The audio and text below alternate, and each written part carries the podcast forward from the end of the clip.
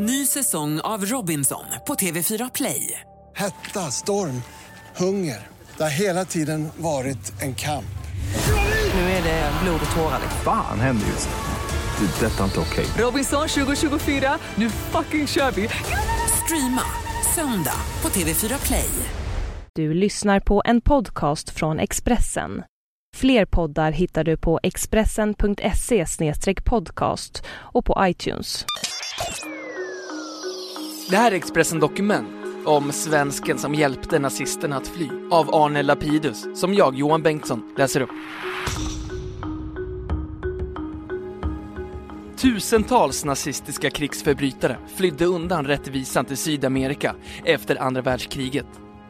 En rad nyckelpersoner i Hitlers skräckkabinett smet över Atlanten via livlinor som en koalition av regeringar, tjänstemän och sympatisörer organiserade och där en svensk nazist spelade en huvudroll.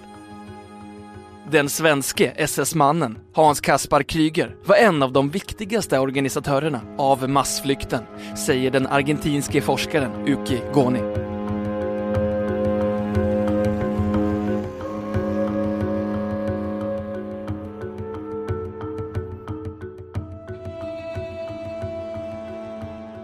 Skrivbordsmördaren Adolf Eichmann som organiserade deportation och förintelse av miljoner judar. Läkaren Josef Mengele, dödsängen som gjorde grymma experiment på människor i dödslägret i Auschwitz. Gestapochefen Klaus Barbie, slaktaren från Lyon som torterade och mördade fångar i Frankrike. Det är bara några av de mest beryktade namnen bland de tusentals nazistiska brottslingar som lyckades komma undan till Sydamerika efter krigsslutet 1945. De flesta fick en fristad i Argentina, men också Brasilien, Chile, Bolivia, Paraguay och andra latinamerikanska länder gav krigsförbrytarna skydd. Ett stort antal aktörer hade intresse av att hjälpa så många brottslingar till Latinamerika. Vatikanen, Schweiz, USA, Frankrike, Storbritannien och nazisterna själva. Och Argentina var mycket intresserat av att ta emot dem, säger Uki Goni, argentinsk journalist och författare som forskat om nazisternas flyktvägar. I en ny bok beskriver den tyske historikern Daniel Stahl hur en koalition av ovilliga på båda sidor Atlanten samarbetade för att hjälpa nazisterna. Var och en utifrån sina egna intressen ovillig att gripa och åtala gamla nazister. Tyska diplomater och jurister saboterade jakten på nazister för att de kände solidaritet med sina landsmän. Fransk polis fruktade att gripanden och rättegångar skulle avslöja franska myndigheters samarbete med tyskarna under ockupationen. Latinamerikanska diktatorer vägrade att lämna ut efterlysta nazister för att de inte ville dra uppmärksamhet till sina egna förbrytelser. Daniel Stahl pekar i sin bok Nazijakt, Sydamerikas diktaturer och bestraffning av NS-förbrytelser ut det tyska rättsväsendet som speciellt skyldigt till att nazisterna kunde komma undan.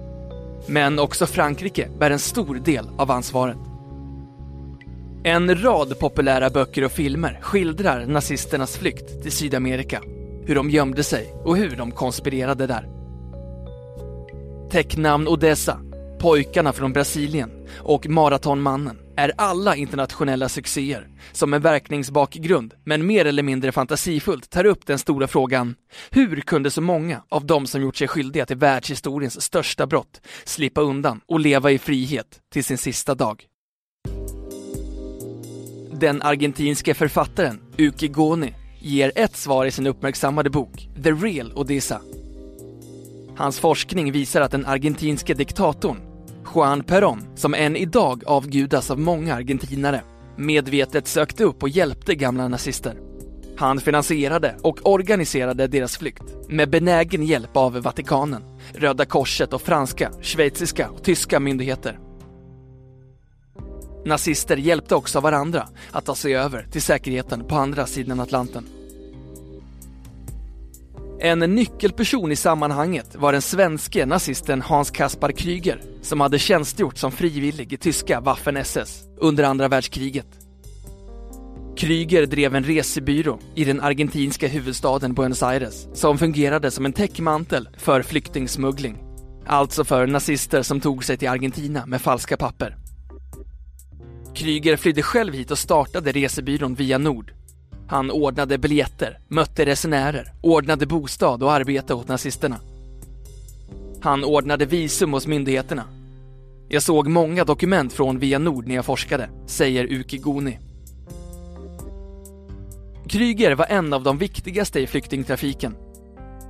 När Fredrik von Schütts bok Täcknamn Odessa kom ut 1972 började det gå rykten om att Kryger ingick i det hemliga nätverket eftersom det var en öppen hemlighet bland svenskarna i Argentina att han hade hjälpt nazister. Han var en välkänd medlem av svensk kolonin i Argentina efter kriget. En tysk före detta officer som jag intervjuade kallade honom en gentleman och god kamrat, säger han. Gocki berättar att han under sitt forskningsarbete besökte Via Nords kontor i centrala Buenos Aires. Resebyrån var stängd sedan många år. Ett tjockt lager damm täckte skrivborden. Men en skylt med texten Via Nord, Scandinavian Travel Agency, satt fortfarande på dörren. Via Nord blev snabbt en viktig del av den nazistiska flyktapparaten. Kryger samarbetade tätt med Carlos Fildner, en argentinsk-tysk SS-kapten som var den främste ansvarige för att ordna SS-förbrytarnas flykt till Argentina, säger Ukigoni. Bland handlingarna jag hittade hos invandringsmyndigheten fanns en ansökan från ViaNord om inresetillstånd för Josef Schwamberger, en av de värsta SS-brottslingarna som flydde till Argentina. Han fick sitt visum 1948 och anlände med båt i mars 1949, säger han. Schwamberger var en av de få SS-män som utlämnades från Argentina. Han dömdes i Tyskland 1991 till livstidsfängelse för mord och medhjälp till mord. Hans Kaspar Krygers arbete med nazistiska flyktingar är tidigare känt, men att svensken spelade en så central roll för att organisera livlinorna, eller råttrutterna som de också kallas i litteratur och forskning, avslöjades av Gornis forskning. Kryger var överklass och intellektuell. Han skilde sig från de andra frivilliga svenska SS-soldaterna. Han var respekterad för sin skicklighet att som krigskorrespondent skriva vackert om striderna, säger Bosse Schön, författare som skrivit flera böcker om svenska SS-män. Han deltog regelbundet i hemliga veteranmöten för SS-män i Sverige och Europa in på 70-talet. Han var rabiat rasist och nazist och var 1975 i Sverige för att hålla föredrag om rashygien, säger han. Bosse Schön, som just nu skriver en bok som handlar om de tre nazisternas livlinor som gick via Sverige, säger att han vet att Kryger var citat, en viktig kugge i Perons maskineri för att hjälpa nazister, slutcitat. Godsägarsonen Hans Kaspar Kryger var med sina 40 år en av de äldsta svenska SS-soldaterna när han tog värvning 1942. Han tjänstgjorde som krigskorrespondent, men deltog också i hårda strider på östfronten mot Sovjetunionen och i försvaret av Hitlers bunker i Berlin under slutstriderna 1945. Han flyttade till Argentina 1946 och arbetade 47 till 48 som instruktör i den argentinska armén. Sen startade han sin resebyrå och besökte hösten 1949 Sverige för att göra reklam för verksamheten. Under besöket bevakades han av Säkerhetspolisen. Allt enligt Bosse Sköns bok Där järnkorsen växer. Kryger omkom i en trafikolycka i Argentina 1977. Uki Goni kallar sin bok The Real Odessa för att markera att trillen Täcknamn Odessa inte återger verkligheten. Det är en myt att det skulle ha funnits en övergripande organisation som hjälpte nazister, anser han. Däremot fanns det många flyktvägar och många krafter som verkade för samma mål. Först var segrarmakterna i andra världskriget intresserade av att ställa nazisterna inför rätta. De stora Nürnbergrättegångarna anordnades 1946, men sen ville främst USA dra sig ur och överlåta åt Tyskland och Italien att döma sina nazister och fascister, säger Uki Goni. Men Tyskland och Italien var motvilliga och 1947 hade redan USA och Vatikanen börjat använda ex-nazister som spioner och aktivister i Sovjetkontrollerade områden. Man kunde inte ställa dem inför rätta. Då skulle de avslöja det här. Lösningen blev att sända dessa människor till Latinamerika. Alla hade sitt eget intresse. Perón ville gärna ha dem i Argentina. Han fantiserade om att han skulle få forskare, flygplansingenjörer och atombombsexperter, säger han. Den argentinske diktatorn Juan Perón inrättade en särskild kommitté ledd av gamla nazister som skickades till Europa för att söka upp och hjälpa SS-män. Goni förklarar att de första som flydde var franska och belgiska nazister som fick skydd av Vatikanen i Rom redan när deras länder befriades 1944. De började ta sig till Argentina 46. Ett år senare flydde tusentals kroatiska fascister och 1948 kom tyska och österrikiska nazister via Vatikanens flyktväg. Vatikanen hjälpte nazisterna eftersom de såg nazismen som ett mindre ont och ett mindre hot än kommunismen, säger Goni. En livlina gick via Schweiz där en polischef med nazisympatier samarbetade med flyktens organisatörer. Det krävdes massor av dokument med falska namn för att råttrutten skulle fungera. Det var en lång process, förklarar Goni. Först tog sig SS-mannen, som kanske gömt sig i Tyskland ett par år, in i Schweiz med myndigheternas tysta godkännande. Sen vidare till Italien, där han fick ett falskt ID-kort som italiensk medborgare.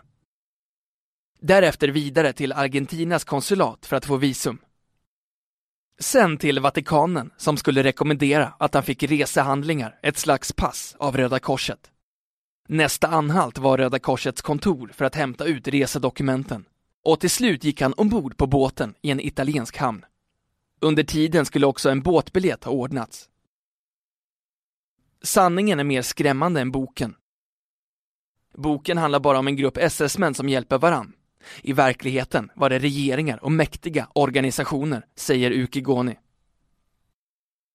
Jag blev chockad när jag insåg sanningen. Jag hade inte väntat mig att hitta så många dokument som direkt kopplar Perón, Vatikanen, den argentinska kyrkan och de schweiziska myndigheterna till flyktingtrafiken, säger han.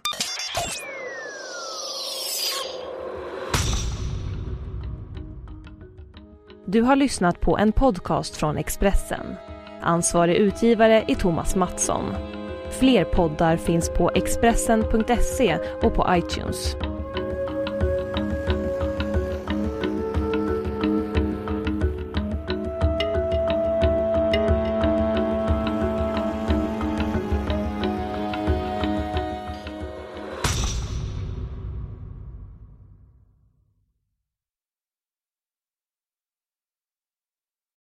Ny säsong av Robinson på TV4 Play.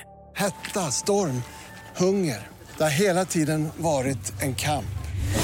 Nu är det blod och tårar. Fan händer just nu. Det. är Detta är inte okej. Robinson 2024, nu fucking kör vi! Streama söndag på TV4 Play.